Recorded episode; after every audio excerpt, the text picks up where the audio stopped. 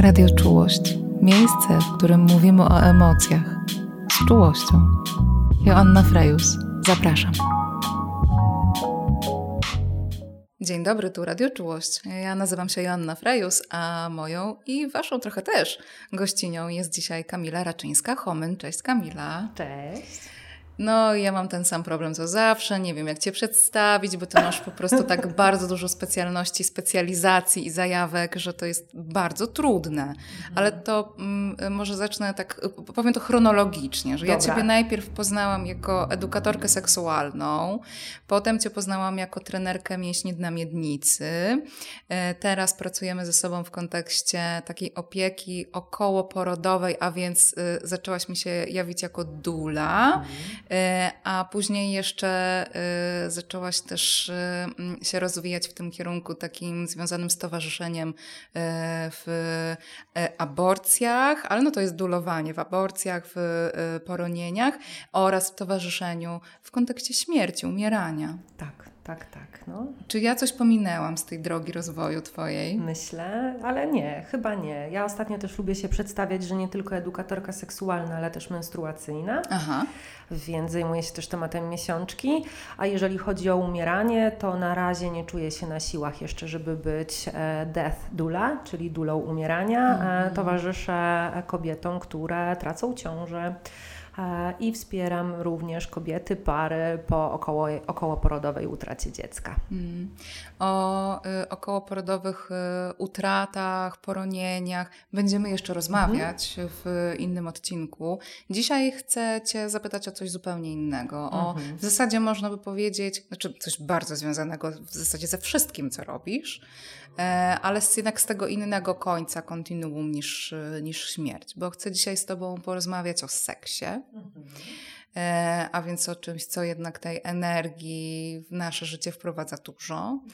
E, I, ale chcę z Tobą porozmawiać o takim, jak się okazuje, bardzo specyficznym obszarze e, seksualności, seksu, bycia w relacji, realizowania się w relacji w takim kontekście e, seksualnym, mm, czyli o seksie rodziców. Mhm.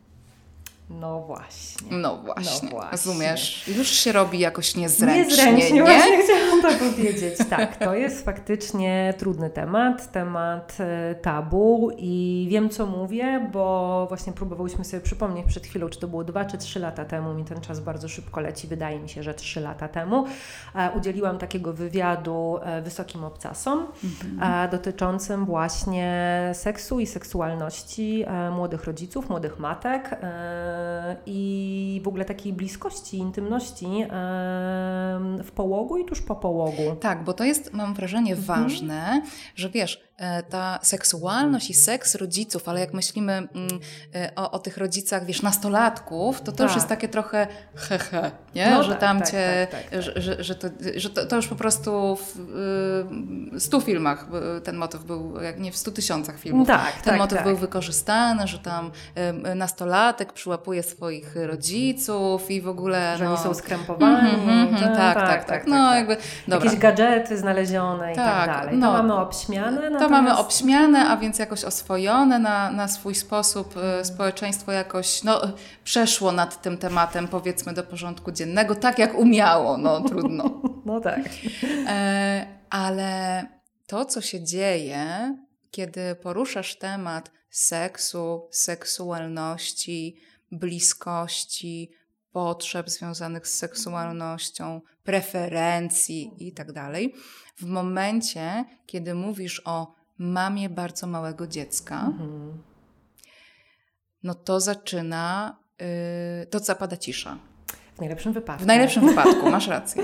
w najlepszym wypadku zapada cisza, e, w najgorszym faktycznie pojawiają się no, takie też trudne dla mnie do, do przyjęcia, do zmetabolizowania e, reakcje.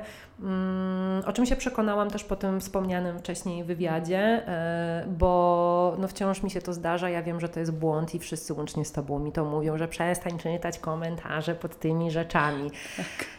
A ja nie wiem, może to jest moja po prostu, wiesz, jakaś masochistyczne, masochistyczny kawałek. E, no, czytam te rzeczy e, i wtedy też przeczytałam i, i, i, pamiętam, że to było bardzo trudne. Tak, ale jak, wiesz co, zanim, mhm. po, zanim powiesz o tym, jak Ci było z tymi komentarzami. Nie chciałam, chciałam mniej więcej powiedzieć, nawet nie tyle jak mi było, mhm. tylko jaka była e, atmosfera, jakie były głównie reakcje. To chciałam To ja bym chciała najpierw mhm. powiedzieć, co było w tym artykule. Okay. Bo wiesz co, ten artykuł był przepiękny. I teraz, hmm. jeżeli słucha nas osoba, która tego, e, tego wywiadu z Tobą e, nie, nie czytała, czy Ty pamiętasz tytuł no tego właśnie tekstu? nie, niestety. No to podlinkujemy, podlinkujemy w opisie do, do tak, tego odcinka. Tak, tak. On był, wiesz co, ja go czytałam z jakimś takim naprawdę dużym wzruszeniem, hmm. z takim e, z takim spokojem. Tam było tak, wiesz, upchnęłaś tam tak bardzo dużo czułości i hmm. takiego, takiej przestrzeni, takiego no właśnie takiego, wiesz, że można naprawdę odpowiedzieć na potrzeby swojego ciała, nie rozkminiając, mm-hmm. nie rzucając na to jakieś takie, jakiegoś takiego mchu, wiesz, przekonań tak, tak. i żartów leśnych dziadków i w ogóle wiesz, że można y, naprawdę patrzeć na temat seksualności z taką chciałam powiedzieć wielką otwartością, ale tu nie chodzi o to, po prostu tak, wiesz, tak spokojnie, tak, tak właśnie czule, z takim pomieszczeniem tego, że Mm, po prostu mamy różnie. I, I myślę, że ta okay. moja rozmówczyni, w sensie dziennikarka Ewa Kaleta ze mną prowadziła tę rozmowę mm i my bardzo długo, naprawdę, e, my się wcześniej poznałyśmy w ogóle, tak żeby też zobaczyć, jaki mamy wzajemny vibe, że tak powiem. Bardzo długo pracowałyśmy nad tym wywiadem, e, właśnie po to, żeby, żeby on był taki, jak mówisz, więc cieszę się, że to dało się wyczuć, że, że tej przestrzeni, do, te, tych wachlarza możliwości, zachowań seksualnych i w ogóle tego, jak rozumiemy intymność po porodzie, że ten wachlarz jest naprawdę ogromny i że możesz sobie wybrać, a może tak, a może tak. A, a może nic. A może nic, tak. dokładnie. A, więc faktycznie nam się, nam się, my się starałyśmy jakoś opowiedzieć o tej takiej bardzo takim tkliwym momencie, jakim jest połóg i, i tygodnie po połogu, e, w taki bardzo właśnie czuły sposób. Mhm. No właśnie, no to dobrze, Kamila, mhm. no to ja jak to jest z tą bliskością w połogu, po połogu? Wiesz, bo myślę sobie, że z jednej strony oczywiście to jest tak, że, że jest bardzo dużo tabu wokół tego tematu. Tak. Um, albo jeszcze w zasadzie y, jeszcze gorzej, że ten temat jakoś nie przychodzi do głów, a, a już nie wspominając o innych częściach ciała, nie? bardzo wielu osobom i, mm, i przez to on jest jakiś taki właśnie bardzo y, no, nie wiem, pomijany? Jakiś tak, taki w, zupełnie na szkoły rodzenia nawet jest tak. pomijany. Pamiętasz, żeby tobie na szkole rodzenia mówiono cokolwiek? Że w ogóle no. Y, zero seksu przez sześć tygodni. Okej. Okay. I to się zamknęło w tym jednym Tylko, zdaniu. Mm, tak.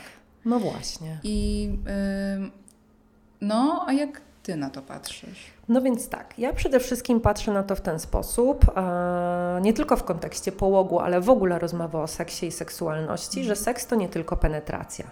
Mhm. I w ogóle od tego warto by było, żebyśmy wszyscy wyszli e, i na czas tej rozmowy i w ogóle, żebyśmy e, jakby dopuścili do siebie. E, już jadą po nas, Kamila. Tak, no właśnie. tak, tak już się rozglądam nerwowo, że już się zaczęło, ja nie zdążyłam. Halo, policja!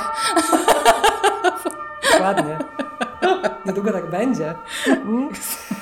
Um, więc chciałabym, żeby to był w ogóle nasz punkt wyjścia, nas wszystkich, że seks to nie tylko penetracja.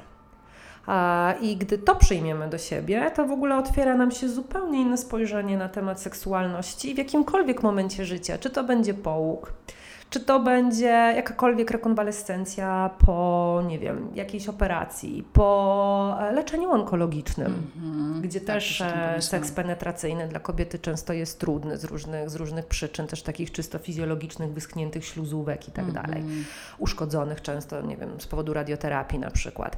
Więc mamy dużo takich momentów w życiu, e, już nie mówiąc na przykład po prostu o starości, gdzie może się okazać, że, że nasz partner ma problemy z erekcją, No mm. i co? I to oznacza, że mamy zupełnie nie mieć seksu? To oznacza, że go nie mamy, jeżeli na przykład e, realizujemy tę przyjemność w inny sposób niż penetracyjny? Mm. Ba, jeżeli byśmy uznały, uznali, że seks musi się wiązać z penetracją, no to jak w tym opisać seksualność kobiet, lesbijek? To znaczy, że one nie uprawiają seksu? No, no bo przecież dokładnie. No prawda? Mhm. A, więc to jest w ogóle podstawa mojej pracy często w gabinecie e, z kobietami. E, pierwsza, najważniej, najważniejsza właśnie rzecz, że seks to nie tylko penetracja. Nie? I jeżeli tak sobie na to spojrzymy, no to otwiera nam się cały wachlarz możliwości różnych zachowań bliskościowych, intymnych i ero ewentualnie erotycznych, które mogą mieć miejsce, ale nie muszą w trakcie połogu i tuż po nim. To też mi się podoba, że teraz graniczasz zachowania bliskościowe, no mm -hmm. okej, okay, niech będzie to forma, zachowania bliskościowe, czyli po prostu jakąś czułość, tak od zachowań erotycznych. Hmm. To jest też jakoś, myślę sobie, bardzo ważne, żeby to złapać. Tak, nie? tak, tak. Bo ja w ogóle też lubię i dużo mówię o, nieeroty- o wadze takiego nieerotycznego dotyku. dotyku. Mhm. To jest coś szalenie ważnego. Ja napisałam na ten temat y, króciutki, ale wciąż cytowany, bo widziałam, że, że co jakiś czas gdzieś ten tekst jest cytowany właśnie na temat y, nieerotycznego dotyku. I dużo o tym też mówię w kontekście swojej pracy, choćby z tego powodu, że ja masuję kobiety. Mhm i masuję je też intymnie, to znaczy dotykam ich genitaliów, a nie jestem fizjoterapeutką, ale też nie jestem tantrystką. Mhm. Czyli z jednej strony jakby nie można powiedzieć, że moje masaże są takie jak wizyta u fizjoterapeuty uroginekologicznego, Czyli bo takie nie. neutralne i medyczne. medyczne. Mhm. Mhm. Takie na przykład zestawianiem diagnozy, jaki masz poziom napięcia mięśniowego, jakich mięśni, e, jakie mięśnie masz napięte, e, więc, e, więc to nie jest taka atmosfera, tam, taka medyczna, ale to też nie jest atmosfera atmosfera tantryczna, mhm. w której bardzo często się jednak, e, nie zawsze oczywiście, nie chcę tutaj generalizować e, i nie robię tego, natomiast jednak w tantrze się znacznie bardziej niż ja podkreśla, niż, niż u mnie w gabinecie, wagę jednak tego orgazmu. E, tam jest dużo pracy z punktem G, u kobiety czasem też z szyjką macicy. Mój dotyk i moje masaże są zupełnie nieerotyczne i bardzo często nawet słyszę na początku takie zaskoczenie u tych kobiet, które siedzą na kanapie, e, dopiero rozmawiamy, poznajemy się, ja robię z nimi wywiad medyczny, zanim je dotknę i one nawet często mówią, że kurde, w ogóle nie umiem sobie tego wyobrazić, co mnie za chwilę czeka. Nawet mówiłam mężowi czy chłopakowi, że idę na taki masaż i on też mówił, ale jak to będą dotykać, ona będzie dotykała Twojej cipki, ale to co, to, to będzie erotyczne, czy nie będzie erotyczne? Masz mieć mhm. orgazm tam, czy nie masz go mieć, nie? Mhm. A więc ja dotykam to zupełnie... To jest ciekawe, nie... co Ty tam masz mieć. Co ty masz tam mieć. To jest w ogóle kolejny tak, tak. temat rzeka. Trzeba się ustawić do dotyku w taki sposób, co on w ogóle, jaki tak. ma być tak. efekt. Zadaniowo mm-hmm. i że on ma być po coś. No tak. Ja właśnie zawsze powtarzam, że, że u mnie nie, że on, ten dotyk nie ma być zadaniowy i nie ma być po coś, z tego względu, że nasze waginy i wulwy e, są najczęściej dotykane właśnie z jakimś oczekiwaniem. Mm-hmm. Albo są dotykane medycznie, średnio delikatnie, tym samym, nie zawsze oczywiście, ale jednak e, są traktowane jako część ciała, jak pa pacjent. Mhm. E, zresztą no, kto rodził naturalnie, e, no to wie te wszystkie procedury, tak zwany masaż szyjki macicy, który w ogóle nie mhm. powinien się nazywać masażem. Mhm. albo no, masa innych różnych procedur medycznych wokół naszych wagin i wulw, no albo jest dotykany seksualnie, ale tutaj też często jest jaka, jakieś oczekiwanie tak. pod spodem, nie? Oczekiwanie, Miałaś ten orgazm? Tak, tak. tak. Mhm. Doszłaś ze mną, nie? Mhm. A, a czemu nie? Wszystkie przed Tobą dochodziły. E, więc tu też jest jak, jakaś presja, jakieś oczekiwanie. Więc e, mój dotyk jest absolutnie pozbawiony erotyzmu, jednocześnie jest szalenie czuły i to, co często kobiety mi mówią już po fakcie, same będąc zaskoczone, a czasem wręcz wzruszone, to że w ogóle nie spodziewały się, że mogą poczuć macierzyńską jakość -hmm. opieki i czułości, -hmm. będąc dotykane w miejsca intymne. -hmm. I że one bardziej czują to. Jakby to było takie albo siostrzane, -hmm. albo właśnie matczyne. Bezpieczne. Nie? Bezpieczne, nieoceniające, czułe, czułe tkliwe, delikatne. A no ja głównie też masuję kobiety po różnych traumatycznych doświadczeniach i po przemocy seksualnej, po przemocy mm. położniczej, więc bardzo często jest tak, że te jej genitalia ostatni raz, gdy były dotykane, to w jakiś właśnie mało przyjemny sposób. Więc tak, tak, mm. tak. Więc to taki, taka wstawka na temat nieerotycznego dotyku, który ja szalenie cenię, celebruję, honoruję i w ogóle uważam, mm. że mamy go za mało w naszym życiu na co dzień. Mm-hmm. Mm, I też... A czasami za dużo w takim kontekście, jak sobie myślę o mamach, które mhm. są totalnie przebodźcowane A, tak. po, y, poprzez taki dotyk, wiesz... Y, dziecka własnego, dziecka, takie tak. wydotykane tak, gdzieś, tak, tak, tak, tak, tak, to prawda, no, tak, tak. E, więc, e, więc ten temat w ogóle nieerotycznego dotyku, jakiejś takiej czułości, za którą nic ma nie iść, a żadne oczekiwania, ani żadne konieczne, konieczne domknięcie tej sytuacji mhm. E, to jest w ogóle temat, który jest bardzo blisko mnie i ja myślę, że taki właśnie typ dotyku e, jest, e, jest nam bardzo potrzebny w połogu mhm. i w ogóle w każdej sytuacji, kiedy nasze ciało jest tak szalenie delikatne, wrażliwe, zmęczone czymś, mhm. czymś wielkim, ogromnym, jak operacja, choroba i dochodzenie do zdrowia, no ale mówimy tutaj o połogu jednak. No jednak poród jest bardzo takim no, trudnym, mocnym doświadczeniem, co tu dużo mówić, no takim z, z, z takim potencjałem no wręcz jakiejś no, katarktycznym, jakiejś przemiany bardzo tak, dużej, dla prawda? tak. tak, mhm, dla wielu tak. z nas tak i dla naszych ciał. Um, I myślę sobie, że, że to jak możemy wracać powolutku do siebie, no, że bardzo zależy, bardzo zależy też od tego, co nas czeka w domu. Tak, te osoby, które nas nie oglądają, tylko słuchają, to nie widzą, ale ty robisz, jak o tym tak. mówisz, y, robisz taki gest, że przejeżdżasz tak właśnie dłonią gdzieś w okolicach krtani. Serca. Jakoś tak, mm. tak, tak, w okolicach serca. Te osoby, które by chciały zobaczyć ten czuły gest, ten gest samoczułości, to zapraszamy na E, kanał na YouTubie o Matko Depresja i tam jest e, playlista. Tak I również jest. ten odcinek z wizją. I będzie widać, jak się głaszczę z tak, czułością tak. sama siebie. E, Wiesz, pomyślałam tak. o tym, bo powiedziałaś coś bardzo ważnego. Hmm. Mm, I myślę, że o tym się rzadko mówi, że faktycznie bardzo często poród jest tym doświadczeniem, które jest po prostu duże które tak. jest, wiesz, bez względu na to, czy ono jest mm, jakoś mm, od, mm, przez nas odebrane jako bardzo trudne, mhm. czy jako bardzo jakieś, y, nie wiem, ważne, piękne, no bardzo różne są te przecież interpretacje, ale y, jest to tak czy inaczej doświadczenie duże. I doświadczenie też e, bardzo często jednak związane z bólem, mhm. związane z jakimś przekroczeniem własnej granicy, z takim wychyleniem się na tej skali, wiesz, w ogóle y, y, bólu, czy mm, y, w ogóle, wiesz, przekroczenie jakiejś granicy. Tak. Nie? Jak myślę o swoim porodzie, to, to ja tak mam, że ja sobie nie wyobrażałam, że mhm. jestem w stanie, wiesz, wytrzymać coś tak. takiego. I myślę sobie, że my po tym porodzie, w takim kontekście cielesno, yy, ale przecież też psychicznym, jesteśmy yy, rozchwiane, tak. nie? I potrzebujemy tego powrotu do, wiesz, kurde, nie do formy. Nie, nie, nie, absolutnie, nie do formy. Takiego nie do... powrotu, tak, mhm. trochę do siebie, tak. trochę do równowagi.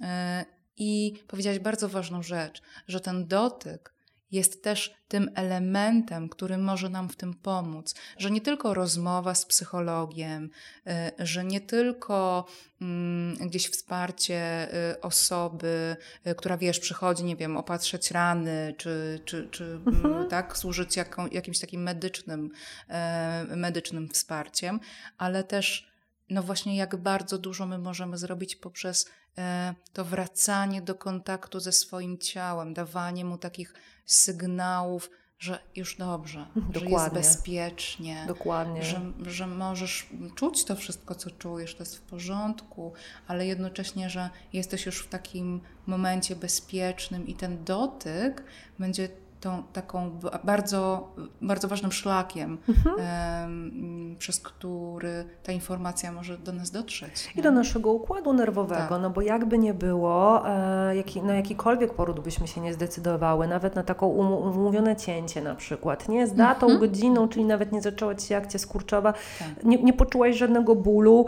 a poza tym, który potem jest związany z dochodzeniem do siebie, bo tak. to jednak była operacja, tak, prawda? No to tak. dla układu nerwowego to zawsze jest spore przeżycie. Tak. A, więc ten dotyk delikatny, e, taki w zgodzie z nami, więc może nie powinna mówić delikatny, tylko po prostu w zgodzie z nami, tak. bo możemy potrzebować bardzo różnej tak. stymulacji.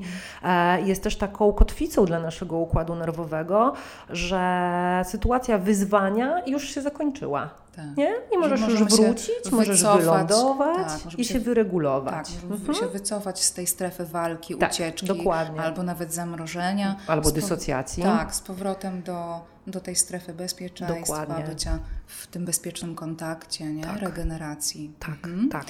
No okej, okay. to dotyk, no to już mamy to, nie? Tak. Że dotyk, bardzo ważna jego funkcja, dotyk też gdzieś oddzielony od y, jakiejś takiej e, erotycznej funkcji. Mhm. No dobra, ale wiesz, to mam wrażenie, że gdybyśmy przy tym zostały, to to nie jest pełny obrazek, bo no przecież to jest totalnie w porządku, że my możemy mieć ochotę na seks Oczywiście. w połogu, y, że... No właśnie, a mam wrażenie, że tak rzadko się o tym mówi, że jak y, nagle to gdzieś pada, na przykład w takiej rozmowie z tobą, mhm. to, y, to to budzi jakieś oburzenie. Tak. No nie? Tak. A więc po pierwsze to, że y, mm, że jesteś w stanie w połogu, czy w ogóle krótko po urodzeniu dziecka odczuwać jakąś, jakieś potrzeby seksualne. Z jakiegoś powodu to się no nie, wiem, nie mieści w głowach. Tak, nie? tak. I to jest jedna strona tego medalu, a druga jest jeszcze taka, że chyba jeszcze większe oburzenie budzi to, że my się odważamy te potrzeby zrealizować. Mhm. Mhm. Powiem Ci, że ta tabuizacja już nawet jest związana z potrzebami seksualnymi kobiety na końcówce ciąży. W końcówce o, ciąży. Rację. To się już tak, tam zaczyna. Tak. I to wiesz, jest, jest sporo warstw tego, tego tabu. Um, natomiast tutaj, tutaj chyba najbardziej chodzi o to, i ja takie historie słyszę w gabinecie e, z cytatami. Kobiety mi opowiadają na przykład, w jaki sposób ich partnerzy, mężowie podchodzili do sprawy, no że jakby ten, ten brzuch jest już na tyle duży i to dziecko jest już na tyle prawie z nami, Aha. No że nie, nie można się kochać z żoną, która nosi w środku ich wspólne dziecko. Jeszcze coś usłyszy. No, bo jeszcze coś usłyszy. Można się z tego śmiać, bo to brzmi jak żart, ale faktycznie część, część mężczyzn boi się, że po prostu zrobi krzywdę tak. i że uderzy swoim penisem w głowę dziecka. Przepraszam, ale muszę się No, no ale to są braki edukacyjne, nie? Tak, ale, ale rzeczywiście że... jest tak, że hmm. wiele osób y, może mieć taką wizję. tak. tak. Tak, jakby tam nie było szyjki macicy, jakby tam tak. w ogóle nie było macicy, jakby to dziecko tak się kończyło w pochwie, główka, tak, tak, to już była tak. główka i że, i że to jest ta obawa, że nabijesz guza dziecku swoim penisem. Przepraszam, ale jak to mówisz, to brzmi tak, wizualizuję to w ja, ogóle, to Ja staram się nie, ale wiesz, może to jest po prostu też opowieść o tym, jak ci panowie mm. mają wrażenie, jak bardzo te omnipotentne i wielkie są te ich penisy, bo to być może też jest wokół tego jakaś tutaj kwestia, że, tak. że wiesz, że no mam tak olbrzymiego penisa, że się dokopię do, do tego dziecka, które jest w Twoim wnętrzu, nie wiem. E, no w każdym razie to jest już takie, takie trudne dla nich, nie? Mhm. W ogóle często seks z kobietą, e, z własną partnerką, która jest w ciąży, jest trudny dla mężczyzn. Że, mhm. że nie bardzo. Oczywiście jest też taka grupa mężczyzn, którzy bardzo. E, Jasne. Y, którym się Wręcz podobają ich mhm. partnerki w ciąży, tak? Więc y, oczywiście jest, jest różnie, ale tak. Tak, tak, y, tak. Bywa, że to mhm. kobiety mają większe potrzeby. Ja to często słyszę od moich klientek, że miały ogromne libido w ciąży i bardzo dużą ochotę na bliskość i seks i mhm. wspaniałe orgazmy. Że nic się nie równa z tymi orgazmami, które one miały w ciąży, ale na przykład miały je same ze sobą, no bo mhm. partner mówił, że, mm, że w ogóle nie. No i oczywiście no to jest no, kolejny w ogóle temat do otwarcia, no bo nie możemy się do niczego zmuszać i jakby zmuszanie do współżycia, y, no czy kobiety, czy mężczyzny jest, e, no jest w jakimś stopniu przekroczeniem oczywiście. Natomiast no tutaj no to by była chyba praca na przekonaniach jakiś, mm, nie? tak, myślę, tak mi tak. się wydaje. No ale to nie, to nie na dziś, nie na tę rozmowę. No więc to tabu się zaczyna już faktycznie pod koniec ciąży, kiedy to dziecko już jest tak prawie z nami, nie? Mm -hmm. że trochę właśnie jakbyśmy coś robili nie, niestosownego w obecności tak. tej, tej no, a osoby. Potem to dziecko, a potem już naprawdę no jest, jest, z nami. No. Już naprawdę jest tak. z nami. No i tutaj faktycznie powiem Ci, że byłam gdzieś tam, no, no byłam zaskoczona e, reakcjami też po tym, po tym wywiadzie, bo ja tam jasno mówiłam o takiej sytuacji, ją teraz zacytuję, że bywa tak, że na przykład trzymiesięczne dziecko e, leży z nami w łóżku i śpi, mhm. e, a para się decyduje na jakąś aktywność seksualną mhm. dosłownie obok niego, na jakieś pieszczoty czy wręcz na, na stosunek. I że to się zdarza i że to się zdarza w większej liczbie domów e, i sypialni niż nam się zdaje. A na pewno się zdarzało od zarania dziejów, gdy się mieszkało w jednej izbie. Tak. Mm, i że jeżeli jest to właśnie dobry, chciany e, seks, czy w ogóle jakieś zbliżenie takie intymne, niekoniecznie z penetracją, ale, ale że nie ma w tym absolutnie niczego ani gorszącego, ani niebezpiecznego dla żadnej z osób, która w tym, w tym jest. Um, no i że właśnie, że się zdarzy. Ja starałam się normalizować taką, taką sytuację. No i powiem Ci, że byłam zaskoczona, że poza tym, że, że mm, w ogóle to się spotkało z takim negatywnym bardzo odbiorem, e, to wręcz spotkało się z taką, ja się spotkałam mm, z zarzutem no teraz mi się to przypomniało, to aż jest szokujące, ale spotkałam się z zarzutem promowania pedofilii że to jest w ogóle nadużywanie tego dziecka. Teraz mnie to zatkało. Tak, ja sobie okay. teraz właśnie to przypomniałam, że był taki moment, e, w którym ja e, też trochę przypanikowałam chyba, bo tak jak mówię, zupełnie się nie spodziewałam takich reakcji. Mm -hmm. Był taki moment, że pamiętam, że zrobiło się na tyle nieprzyjemnie, e, że ja czekałam na pismo z prokuratury. Teraz no, sobie to przypomniałam. No to obłęd, no, że promuje postawę pedofilską, że to jest nadużywanie dziecka i wręcz wypowiedziała się jedna psychoterapeutka, która, która powiedziała, że to jest molestowanie seksualne dziecka i że ono z tym skończyło potem u niej na psychoterapii, bo nie powinno ani tego słyszeć, e, żadnych odgłosów, e, ani w ogóle brać udziału w takiej sytuacji. I dla mnie to jest też o tyle zaskakujące, że dokładnie, że przy założeniu, że to była para, która kochała się ze sobą do końca ciąży, no to, to dziecko i tak słyszało te odgłosy będąc w brzuchu. No jakby zniekształcone mhm. oczywiście przez wody płodowe i wszystko, ale no wiem, no, mhm. że wiemy, że dzieci e, w brzuchu mamy słyszą różne rzeczy, dlatego puszczamy im muzykę na słuchawkach na przykład, na brzuchu w sensie. Tak, tak. I, i, I dlatego mówimy do tego dziecka. Dlatego mówimy do tego I dlatego dziecka, dziecko dokładnie. się ma już y, mm, w jakiś sposób przygotow jest przygotowane w jakimś oczywiście stopniu do tego, żeby się uczyć swojego ojczystego Otóż to, dokładnie, więc zna tembr głosu swojej mamy, tak. zna jakąś melodykę już, prawda? Tak. Więc dlatego my je koimy tym swoim śpiewnym mm. głosem zmieniamy. Są badania, które pokazują, że wszędzie na świecie wszystkie matki, które mówią do swoich dzieci, zawsze wchodzą trochę o oktawę wyżej, mm -hmm. mówiąc do nich i z bardzo podobnym takim zaśpiewem mówią -hmm. wszystko jedno, czy to będzie Afryka, czy to tak. będą Chiny, czy to będzie Polska. No i dla mnie jakby ten argument jest też o tyle zupełnie jakby no nie trafia do mnie, e, że przecież e, nikt w ten sposób nie mówi na przykład o tym, e, co leci akurat w telewizji, kiedy dziecko śpi obok faktycznie. A jeżeli oglądamy porównanie. film, gdzie są wrzaski, krzyki, płacze, wybuchy bomb i, mm, i, i jakieś takie coś chaotycznego, tak. to nie boimy się, że to nam tak rozstroi dziecko, że, że będzie musiało chodzić do psychoterapeuty Albo w przyszłości. Jedziemy samochodem i słuchamy serwisu informacyjnego. Dokładnie, y, tak, tak, gdzie mówią o kolejnych zachorowaniach, śmierciach i, i, i że świat płonie, prawda? Mhm. Natomiast zakładamy, że westchnienia, e, westchnienia jego mamy będą czymś, e, westchnienia przyjemności, chcianego mhm. konsensualnego zbliżenia, e, będą czymś, co je traumatyzuje na tyle, że będzie się musiało leczyć, jak, to, tak jak dziecko nadużywane seksualnie. Bardzo mi się to kojarzy z m, takimi. Mm, E, dyskusjami na temat tego, e, do którego momentu dziecko powinno się karmić e, piersią, o. a od którego momentu to już jest też molestowanie I od którego momentu może no to być molestowanie zdania seksualne. są podzielone, ponieważ jak się domyślasz, nie ma na to badań. Tak się domyślam. Więc, a najniższa granica wieku, jaką się przywołuje, od, której, od którego roku życia osoby, które twierdzą, że to jest molestowanie, to już będzie molestowanie? No, nie dalej jak... Rok? No, może rok czy dwa dwa lata temu, już, no. by, dyskutowałyśmy o tym z y, Agatą Aleksandrowicz z Hafiją, mhm.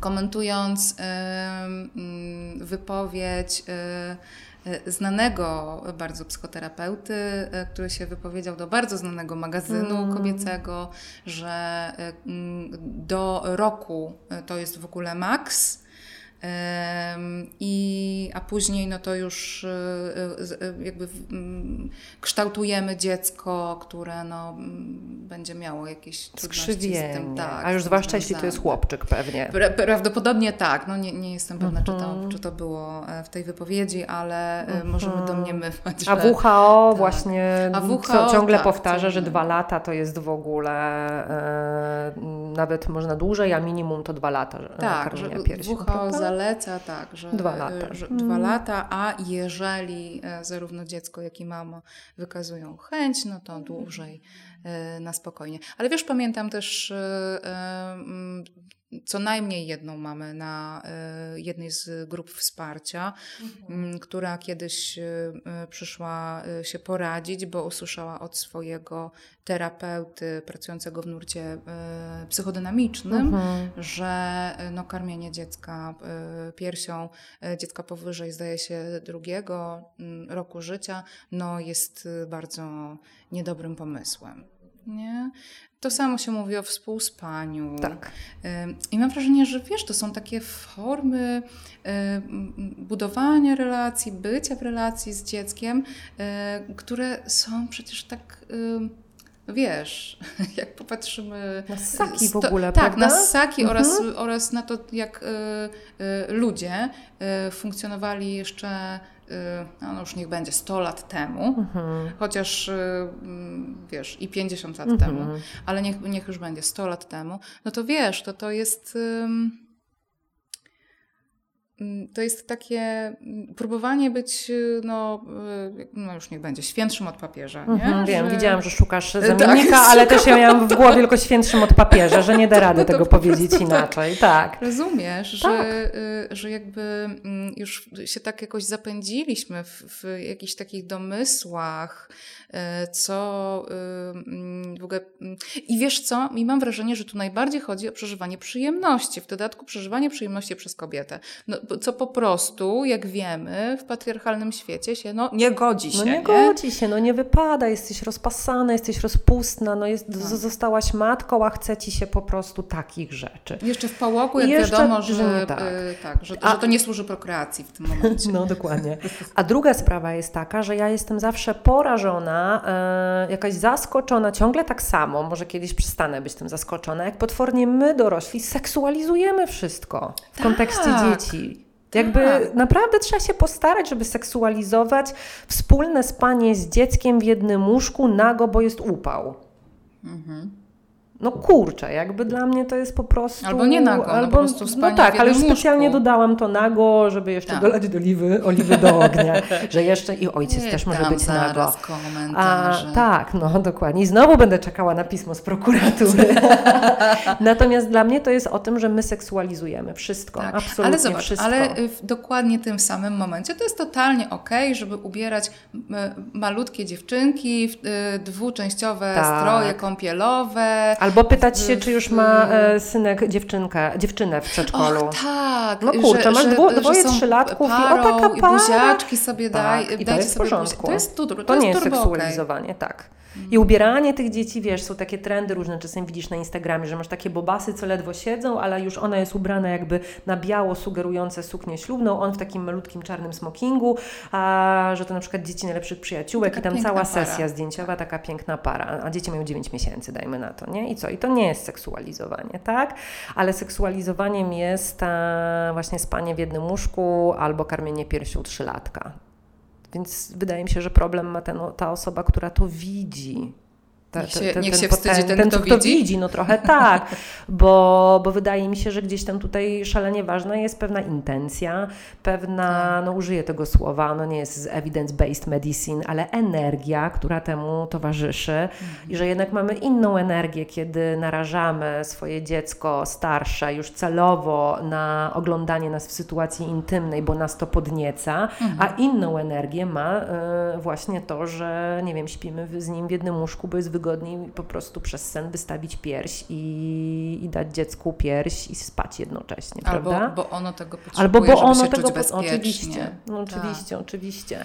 E, tak, i powiedziałaś bardzo ważną rzecz w seksuologii. Ja nie jestem seksuolożką, ja no, też nie. ale y, kończąc y, psychologię i ucząc się w szkole psychoterapii, masz mhm. trochę tej seksuologii jednak musisz zaliczyć parę przedmiotów e, i parę książek przeczytać. I w seksuologii rzeczywiście e, mówi się, o, tu powiedziałeś o energii, o intencji, mhm. e, po, po, seksuologicznemu pewnie byś powiedział o funkcji, mhm. tak? tak? Że dopóki to, nie, to współspanie chociażby, mhm.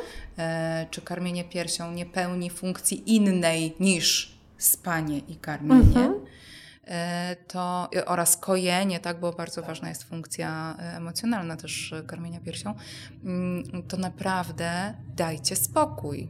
Po prostu dajcie spokój. Tak. Tak, tak. No, jestem tego absolutnie tego samego zdania. To, co było też dla mnie e, po tym wywiadzie taką, ja wiem, konfrontacją z rzeczywistością trochę, albo mogłabym też powiedzieć wyjściem ze swojej bańki. Zostałam z niej wyciągnięta na siłę trochę, gwałtownie, gwałtownie tak. wywleczona ze mm. swojej bańki.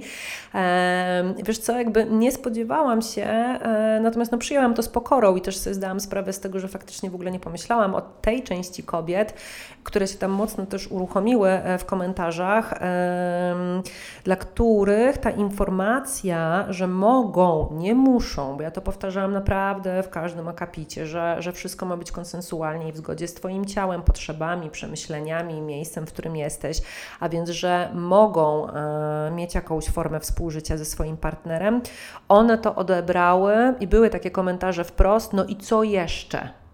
Mhm. No i co jeszcze? Przyszła sobie pani feministka, taka z niej feministka, że mhm. ona uważa, że ja po urodzeniu mu dziecka jeszcze mhm. mam go obsłużyć erotycznie.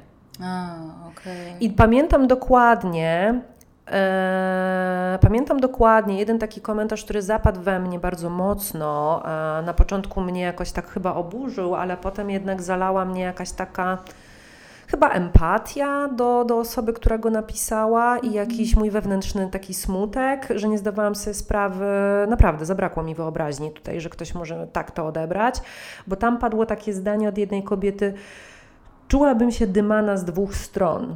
Czyli, że z jednej strony karmię piersią, a z drugiej strony mój mąż się do mnie dobiera.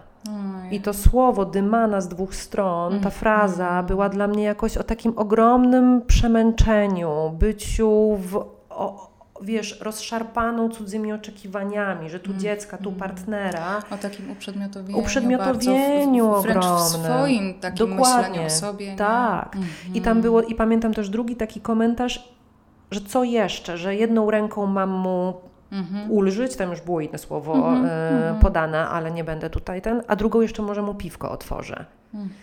I miałam taką myśl, kurczę, w ogóle zabrakło mi wyobraźni, do tego, żeby pomyśleć, że kobieta może w relacji ze swoim partnerem mhm. czuć się tak bardzo no, uprzedmiotowiona właśnie. Tak, że ta seksualność jest, jest tak takim... jakby tylko o, o partnerze tak. i że tak. jeżeli ja m, m, bym miała tę seksualność realizować to, tak. w sumie w dowolnym momencie, bo to przecież nie tak, musi Tak, no przecież to nie musiało się, to, to tak. nie mogło się urodzić, że tak powiem, to podejście do, do tego partnerstwa i seksu w połogu, to musiało być wcześniej. Mm. Więc skoro było wcześniej, no to mm. ja od razu mam takie pytanie, no to skąd to dziecko? Jakby w sensie, no przecież musieliście uprawiać seks, żeby to dziecko było na świecie więc czy ten seks był tylko dla niego? Mm. Wtedy też się czułaś tak bardzo w roli takiej no, służącej do mm. obsłużenia, ulżenia mu. Mm-hmm.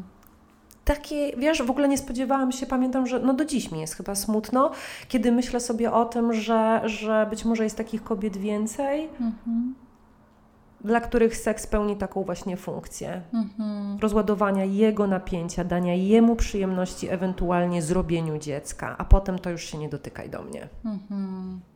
No, to jest smutne, jest to też jakiś taki głębszy problem. No.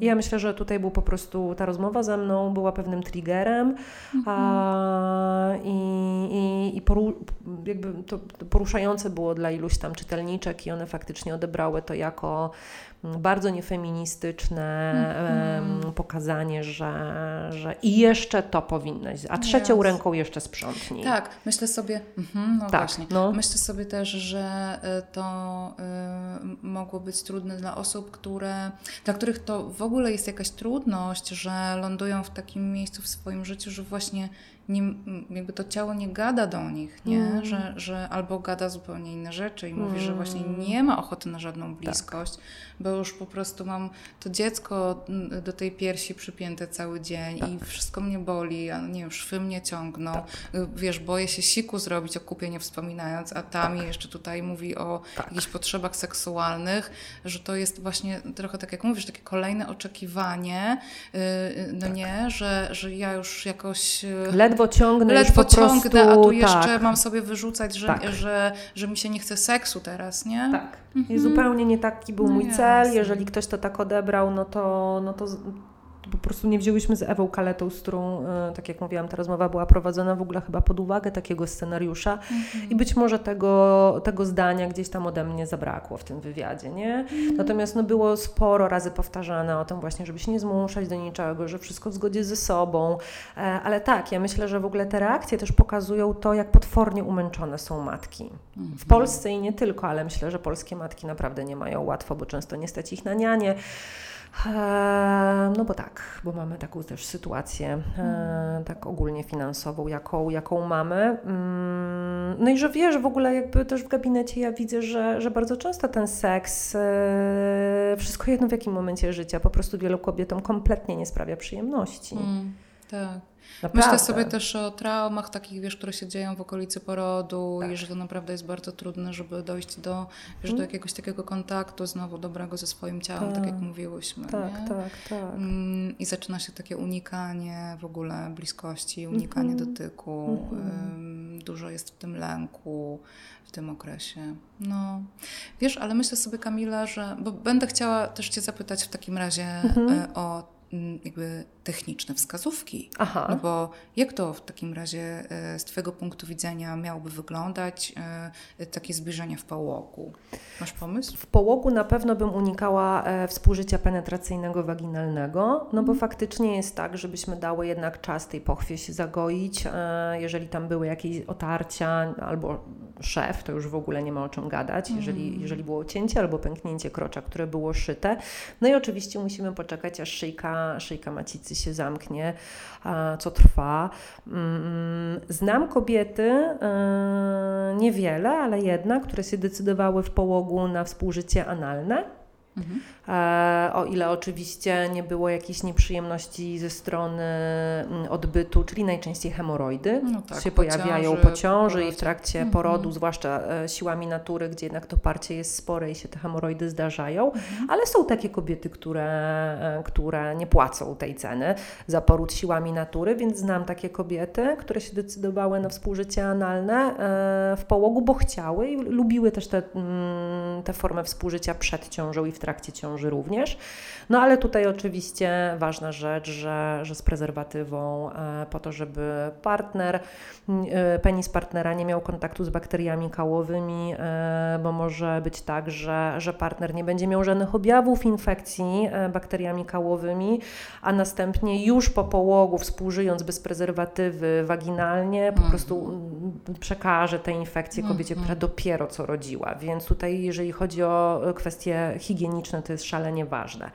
E, No ale tutaj już zaczęłam z takiego wysokiego C od razu z tym seksem analnym, ale no tak mam, że zaczynam z wysokiego C. I teraz będziemy gra, gradację robić w dół, będziemy schodzić teraz. A, więc oczywiście mogą być to wszelkie pieszczoty, e, również, em, które nie, nie zakładają żadnej penetracji. A jak wiemy, królową naszej rozkoszy jest łechtaczka, więc jeżeli czujemy, że ta łechtaczka ma ochotę na stymulację, to jak najbardziej, zarówno ręką, jak i językiem, ustami możemy sobie e, pozwalać na takie pieszczoty, ale tutaj znowu bardzo ważna rzecz, zarówno język, jak i usta, jak i ręce e, muszą być porządnie umyte. I o tym często zapominamy. Już e, ręce myjemy, to już, już jest coraz lepiej, że mężczyźni wiedzą, że warto myć ręce, pandemia, zanim dotkniemy. wiesz. Tak, to pandemia, dokładnie. Zanim się dotknie genitaliów partnerki, wszystko jedno, czy w połogu, czy nie w połogu, proszę Państwa, myjemy ręce. E, natomiast mało kto o tym mówi, jak bardzo nieprzyjemne jest zakażenie dróg moczowych albo pochwy bakteriami próchniczymi, które niektórzy przenoszą no, na ustach w trakcie Mhm. seksu oralnego. E, I to się strasznie nieprzyjemnie i długo leczy. E, a lubią się rozmnożyć takie bakterie w pochwie, bo jest przecież bardzo podobne miałyśmy środowisko. jakoś No, budować trzeba taki myć klimat, zęby. że, że czułość, że bliskość. Nie można myć zębów do czułości. Że, że ten dotyk taki ważny i taki No. powrót do równowagi, a ty, bo ja nie wiem. Chciałaś no dobra, wskazówek. Tak, Więc wiem, może być piękna, piękny, czuły, tkliwy seks oralny z umytymi zębami. Czy możemy tak to opowiedzieć? Może być. Jest, Ale nie jest, wypłukane słuchaj, listerinę, tylko umyte i Dobrze, wypłukane dobrze, wodą. Dobrze. Tak. Więc to możemy robić. Dobra, co się robi wtedy z dzieckiem? Co się robi wtedy z dzieckiem? No. O, to zależy jakiego mamy bobasa. No bo może mamy takiego bobasa, który jednak śpi i przesypia ciurem na przykład 45 minut. To byłoby fantastycznie. To byłoby fantastycznie, nawet nie ze względu na seks, no, ale w ogóle, w ogóle było, byłoby tak, fantastycznie. byłoby fantastycznie. Em, znaczy dzieci mają no, swój radar, co pewnie doskonale wiesz, że, że po prostu dzieci zaczynają płakać, kiedy tylko rodzice się do siebie zbliżają. Nie wiem na czym to polega, ale wszystkie kobiety, z którymi pracują mi dokładnie to opowiadają, że to jest po prostu niewiarygodne, ale tak jest. A, więc myślę sobie, że tak, no, są różne kobiety. Jedną będą wolały mieć dziecko w innym pomieszczeniu, tak żeby oni realizując swoją intymność byli w innym pomieszczeniu, tak żeby go cały czas nie mieć, że tak powiem, w kącie oka, prawda? Ale część osób mówi, że jest dokładnie odwrotnie, dlatego że jeżeli go nie widzą, to cały czas nasłuchują. A, okej. Mhm. Nie? A jeżeli mają dziecko tuż obok, to przynajmniej nie nasłuchują, bo wiedzą, że na pewno usłyszą każde jego tam o i stęknięcie i poruszenie się. Więc jeżeli chodzi o to, co z tym dzieckiem zrobić, to jest kwestia tego, jak Wam jest wygodniej. E, bardzo popularnym miejscem do pieszczot e, jest łazienka. Tak, to jest w ogóle... I to już też e, przy starszych dzieciach, bo jakaś- można się w niej zamknąć. Tak, to jest jakaś klasyka. To jest klasyka. Po prostu e, jak masz dziecko w sypialni... To się zamykasz w e, łazience. To, tak, to po prostu wychodzisz z tej sypialni, nie? Dokładnie, dokładnie, więc to jest jak najbardziej w porządku. Em, no ale są też takie pary, i powtarzam to z pełną odpowiedzialnością, które decydują się na pieszczotę i bliskość, kiedy dziecko leży obok nich, obok nich w tym samym łóżku i śpi. I mówimy o takim naprawdę po prostu bobasku, bobasku, nie, nie o trzylatku, e, tylko o bobasku. Który nagle się budzi i mówi, ale dlaczego? Na przykład, na Albo przykład. jestem głodny, idziemy na śniadanko. Mhm, dokładnie. No, tak, tak, no, E, więc co zrobić z dzieckiem, no to zależy od Was, kochani. Jaki, jaki temperament ma Nie zamykamy dziecko? w szafie. Nie, nie, nie, nie, nie zamykamy w szafie. Oczywiście Absolutnie. myślę sobie, że jak dla kogoś e, e, żadne, żadne z tych rozwiązań nie jest Mhm. ok, to można się umawiać na randki Dokładnie. poza domem. Można się Po prostu. umawiać na randki poza domem, można spróbować e, seksu w aucie. E, Też mam takie klientki, które mówiły, że auto, że kupowałam duży samochód my, z myślą o dzieciach, żeby było wygodniej w tym naszym kombi. Okazało się, że świetnie, świetnie się sprawdza zaparkowany pod domem e, i po prostu kochaliśmy się w tym aucie. Nie? Gorzej jak ktoś mieszka w bloku, ale Aha. to wtedy proponujemy parkować gdzie indziej. Tak, pro, e, proponujemy parkować gdzie indziej albo y, i mieć te takie zasłonki na okna tylne, w sensie wiesz, te zaciemnienia To to jest takie. wtedy na Titanica, nie? Tak, dokładnie, No na dobrze, Titanica. dobrze. Więc może być to. Możemy oczywiście e, starać się e, raz na jakiś czas poprosić nianię, kogokolwiek, babcię, ciocię, żeby chociaż na godzinkę wyszła z dzieckiem wokół bloku. Mhm. Nie, pospacerować. Chociaż to, to ma tę wadę, e, o której często mówią kobiety, że dla nich to jest trudne, że muszą się nastawić na seks, Tak. że w sobotę między 13 a 14 ma mi się chcieć. I jeszcze najpierw się przywitać z teściową. Mhm, na przykład, nie? E, więc ja totalnie rozumiem, że to bywa e, takim zabójcą pożądania, e, że, że po prostu się nie nastawią. A z kolei część kobiet mówi, ja potrzebuję się nastawić, ja potrzebuję wiedzieć, że to będzie wtedy. Ale tutaj z kolei jest ważna rola tego partnera, który skoro on też wie, że to będzie w sobotę między 13 a 14, no to jednak mm, no ta powiedzmy gra wstępna może się zacząć znacznie wcześniej tego czwartek. dnia. Może się zacząć już w czwartek na przykład, tak? Tym, że odciąży nas i się bardziej zaangażuje, że nam w prace domowe. Znaczy ja uważam, że mm, W ogóle- no wiesz tak. co ja uważam, że mm, To nie- samo co ja. Tak, że, ale powiedzmy to głośno, że mężczyzna nie ma pomagać przy dziecku, Tylko ma robić, być za niego no, współodpowiedzialny, się no. współopiekować. Dokładnie. No, ale, że właśnie, nie wiem, wymasuje nam stopy wieczór wcześniej, że, no, że jakby już będzie jakaś taka atmosfera e, bardziej skłaniająca do bliskości, do intymności, przypomnienie nam, że jesteśmy też istotami seksualnymi, a nie mamą i tatą, że jesteśmy wciąż mm. atrakcyjne, nie? Mm. Dla, a, dla naszego partnera, a on dla nas. A, mhm. jest bardzo dużo kobiet, które mi mówią, że nie spodziewały się tego, jak bardzo będzie je podniecać to, gdy patrzą na swojego partnera, który z ogromną troskliwością opiekuje się e, dzieckiem. Ach, ta oksytocyna. Tak, i one mówią, wiesz co, i on tymi wielkimi, niezgrabnymi łapami przewija tego naszego kilkutygodniowego oseska. A ja myślę sobie, Boże, ale bym wlazła teraz na niego. I to są naprawdę cytaty z, z niektórych moich klientek, nie? Mm. Oksytocyna. Oksytocyna jest wspaniała. Zresztą w ogóle wiecie, no, y, ty to na pewno wiesz, że, że ten y, jakby profil hormonalny w trakcie połogu kobiety zmienia się też u mężczyzny. Tak. Że mężczyźni też, jak się ich bada pod kątem hormonów, to mają zupełnie inne, inne Jasne, hormony, tak. mają mniej testosteronu w tak. sobie, tak miękną, tak. a właśnie po to, Ci żeby... płaczący faceci no, w trakcie porodu. Boże, no mnie też to tak. rozkleja na maksa. I uważam, że to jest coś w tym takiego, że możesz poczuć wow, w ogóle, ależ ja sobie zrobiłam dziecko z fantastycznym gościem. Hmm. No, więc, a nie wiesz takie ciągle, a zrobiłbyś to lepiej, a czemu tak go trzymasz, a ne, ne, ne, no to nas kastruje, znaczy obie strony kastruje, prawda, bo hmm. nas, nas stawia tak, w roli nas takiej ne, ne, ne, ne, no tak. dokładnie, a z nich jakieś, wiesz, dwie lewe rączki, nie? Hmm. Ciotka, klotka z dwie lewe rączki, no to z tego nie wyciśniemy jakiegoś super namiętności, nie? Tak sobie myślę. No chyba, że mieści się to w naszych preferencjach. A chyba, że to mieści się w naszych preferencjach. Mm. Oczywiście, że tak. Mm. Jasne, jasne. Mm.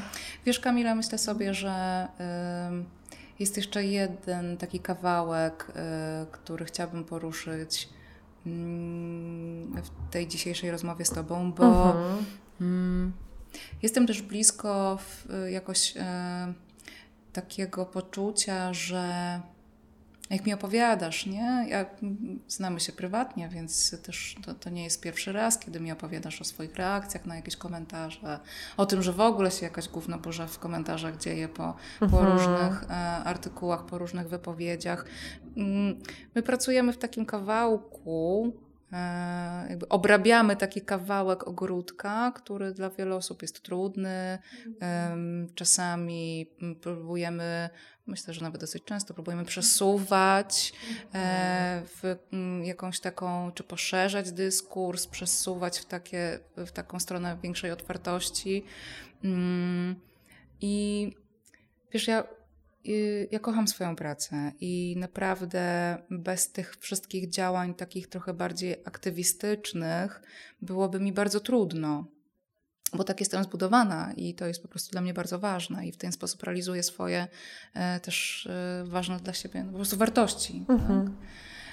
Um, ale wiesz, e, tak patrzę czasami na nas i mam świadomość, że my też w związku z tym często po prostu dostajemy po głowach. Mhm.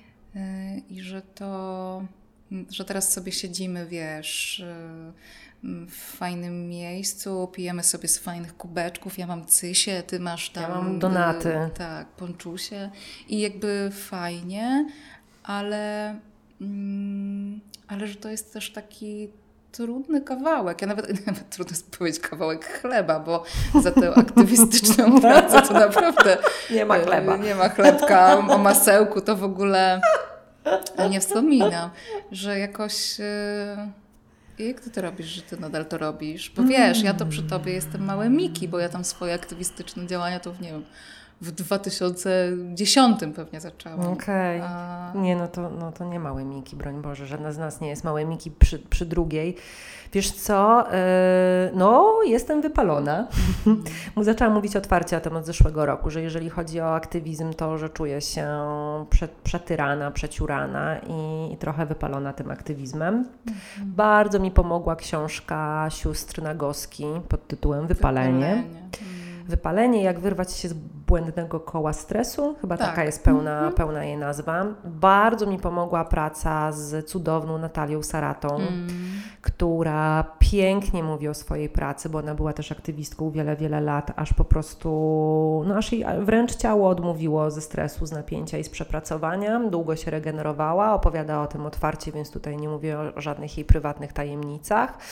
I jak potem właśnie jak pięknie mówi, że później się przeniosła do pracy do szpitala polowego, Mhm. czyli jakby, żeby ogarniać i pomagać dojść do siebie wypalonym aktywistom i tak, aktywistkom. I polecamy Wam tę inicjatywę Regenerakcja. Tak, regenera, regenerakcja Natalii Saraty, cudowna inicjatywa skierowana do osób aktywistycznych, które czują, że już doszły do ściany. Mm.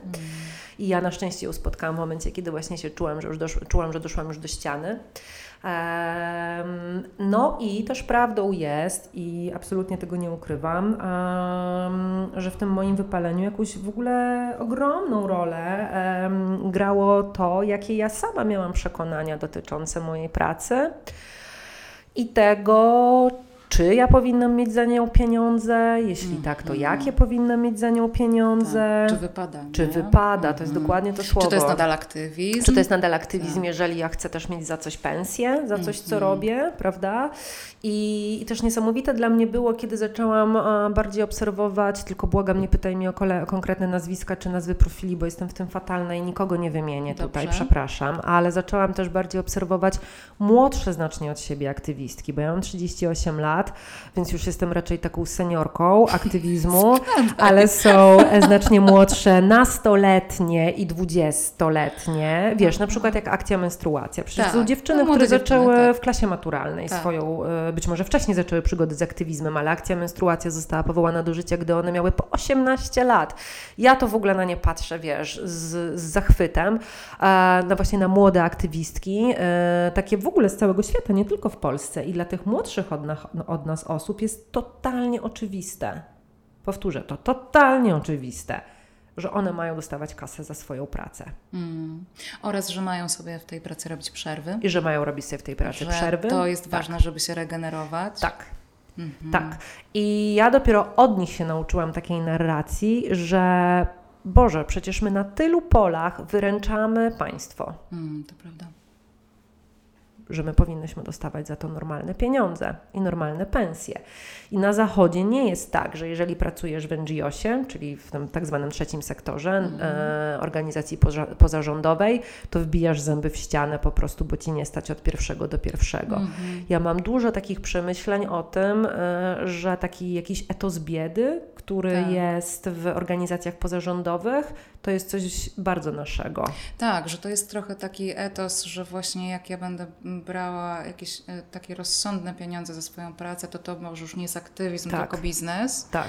Że, ale też myślę sobie, że z drugiej strony to często jest takie jakieś nieogarnięcie, że wiesz, my tak jesteśmy skupieni na tym działaniu i skupione na tym działaniu, że tam, dobra, e, że nikt nie potrafi funduszy na to pozyskiwać Mhm. na przykład, więc robimy wszystko e, mm, takim własnym sumptem. Ale czasem nie? za własną kasę, przecież oczywiście, dorzucając że z tak, własnych tak. pieniędzy niewielkich, żeby Ale coś zrobić. Tak, ale myślę sobie, że jest w tym też bardzo ważny kawałek, taki związany ze schematami.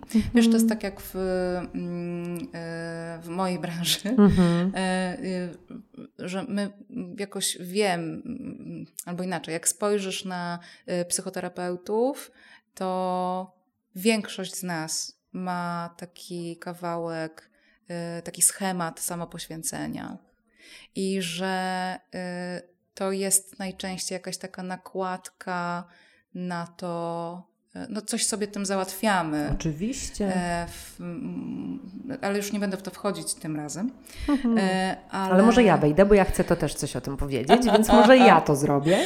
Ale y, chodzi mi o to, że, że jest tak dużo tych mechanizmów, które nas utrzymują w tym takim tkwieniu, mm, takiej sytuacji, w tym trzecim sektorze, właśnie w tej biedzie, w tym znoju, w tym Tak. takim nie jadłam od trzech tygodni. Oj, licytowanie się, kto dłużej tam. nie spał, kto nie był na Tak, wakacjach. I zobacz, i wiesz co to przypomina? Mm. Przecież to jest po prostu kropka w kropkę, jak w korpo. Dokładnie. No nie? Ten, po prostu cała kultura hustlingu y, i takiego, y, przepraszam, powiem to, jak dzieci są w pobliżu, tu zatkajcie im uszy, ta kultura zapierdolu, nie? Dokładnie. Że po prostu y, absolutnie się to y, w trzecim sektorze też pojawia, tylko właśnie jest taki e, e, Przebrany etos. jeszcze, wiesz, za, za jakiś właśnie... Włachmany. etos. no, tak, no tak, dokładnie tak. A, więc zgadzam się jak najbardziej. Ale się zaśmiałyśmy tutaj. Mm. Poprawiając swoje łachmany na sobie.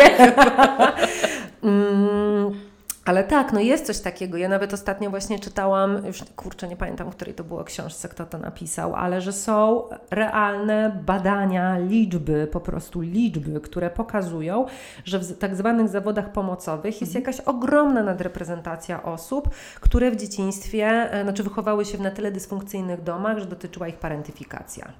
Czyli przykład. i to, to są liczby na to, tak? Tak. I ja jestem jedną z takich osób, yy, która właśnie yy, musiała, czuła, że musi się opiekować swoimi rodzicami, gdy była dzieckiem. Oczywiście to jestem jakby po latach terapii i mam już z tym kontakt i, i wiele rzeczy mam już jakichś takich uświadomionych i no nie powiem przepracowanych, bo też nie lubię tego słowa, bo dla mnie to się nigdy po prostu nie kończy. Ta robota jakby. się nie kończy. Ta robota się nie kończy. Natomiast dla mnie ogromnym takim zderzeniem z rzeczywistością, trudnym i z własnym ego, trudnym zderzeniem, było uświadomienie sobie, z jakich pobudek ja wybrałam swój zawód. I co ja sobie załatwiam tym, że x czasu nie byłam na wakacjach, że właśnie nie stać mnie na to i na to. A ja to, ja to robiłam absolutnie nieświadomie. I dopiero kiedy do mnie dotarło, że to jest jakieś narzędzie, dla, że ja coś z tym sobie próbuję zrobić, Jakaś załatwić, zaślepka. naprawić, za, zaślepka jakaś właśnie, e, no, no to nie były przyjemne takie zderzenia z rzeczywistością. Serdecznie tutaj pozdrawiam moją cudowną psychoterapeutkę.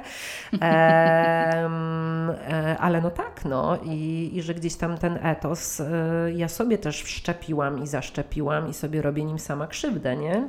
No to jak poszłaś do tego dbania o siebie? Bo wiesz, jesteś tutaj, Mm. dużo energii masz, Mhm.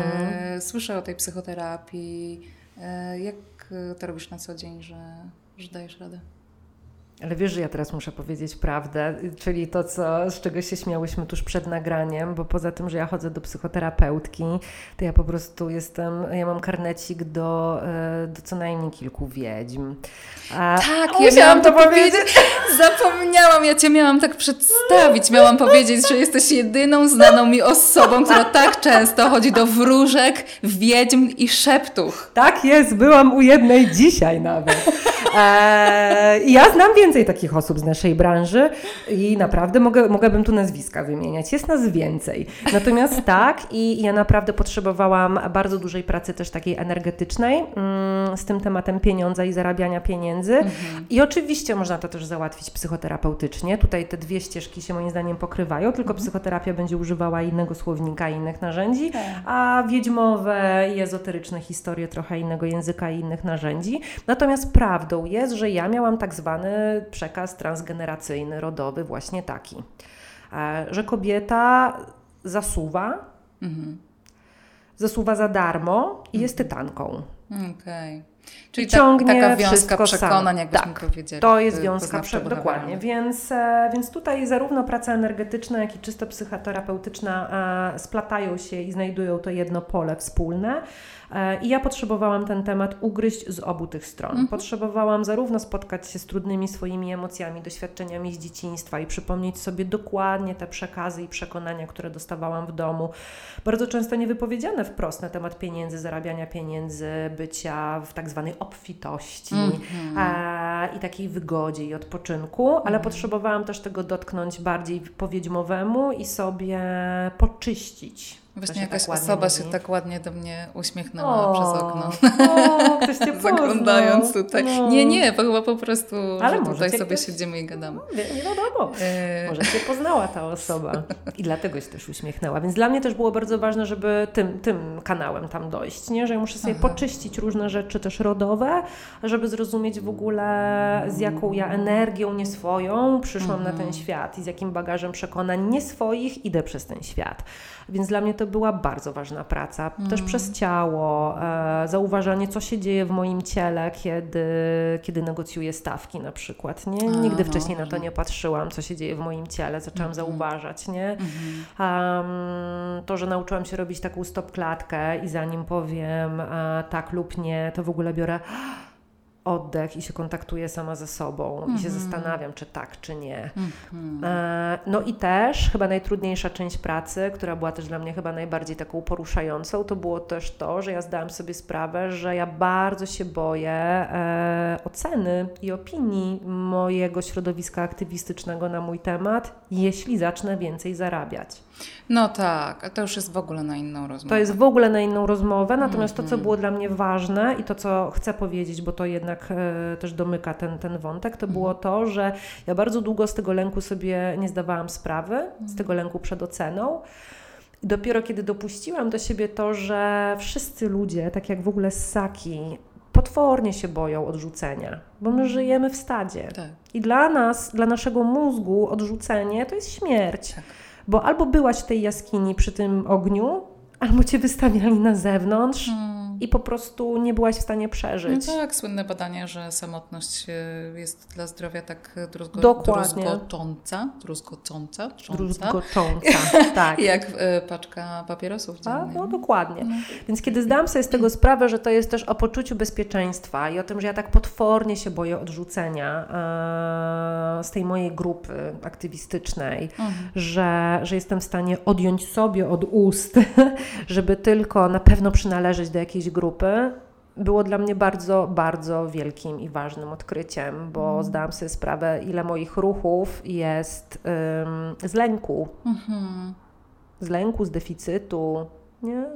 I popatrz, jakie koło zatoczyłyśmy, bo myślę sobie, że w seksie jest bardzo podobnie. Hmm. W seksualności, w seksie, w całym tym obszarze związanym z przyjemnością, dawaniem przyjemności, dostawaniem, braniem przyjemności że tutaj też często wiele rzeczy dzieje się z lęku, niestety, z obawy przed odrzuceniem, z obawy przed byciem e, niezaakceptowanym, niezaakceptowaną. Tak, nie? ale też zobacz, z obawy przed tak zwaną właśnie obfitością. Co, co jest po tej. No, to, tutaj Aha. to jest też o orgazmie, o braku orgazmu na przykład. Nie? Ja bardzo często pracuję z kobietami, które mówią: Ja już prawie, prawie dochodzę, mhm ale sama sobie coś takiego robię w mhm. głowie, mhm. że nie dojdę, że nie będę miała tego orgazmu, że nie szczytuję, że robię ten krok w tył. I boję, bo jakbym się bała, one to wręcz mówią wprost, jakbym się bała, co jest po tej drugiej stronie? Mhm. Co się stanie, kiedy ja pozwolę sobie wziąć to wszystko naraz? Co takiego się okropnego, przerażającego wydarzy, jeżeli mnie zaleje fala czegoś przyjemnego, mm. dobrego, jak nieokiełznanego, jak puszczę kontrolę. Mm. I tak naprawdę, powiem to też, to będzie ezowątek, e, ale być może słuchają nas też takie osoby, ale gdy się mówi o tak zwanej czakrze podstawy, mm -hmm. to mhm. jest ta czakra, którą um, mamy no, na dole w podstawie, czyli miednica krocze, to to jest czakra, która jest odpowiedzialna za przyjemność i finanse. O, to w ogóle ciekawe. Naprawdę. Dobra, to już musiała wrócić i mi o tym opowiedzieć. Proszę Państwa, Kamila Homyn, y, Raczyńska, Raczyńska Homyn. Nie będę powtarzać wszystkiego, wszystkich Twoich tytułów i umiejętności i w ogóle y, y, cudów, które nosisz w sobie. Moje czakrze podstawy. O, Twojej czakrze podstawy. Bardzo Ci dziękuję ja za tę rozmowę. No, I jakoś, z Tobą rozmawiać. Ja nie wiem, jak my to robimy, że zaczynamy od seksu i połogu, kończymy na wiedźmach, ale i tak wracamy do orgazmów. Przez aktywizm. Przez aktywizm i wypalenie, ale mm. no trudno, jakoś musicie to znosić. Dziękuję bardzo. Dziękuję.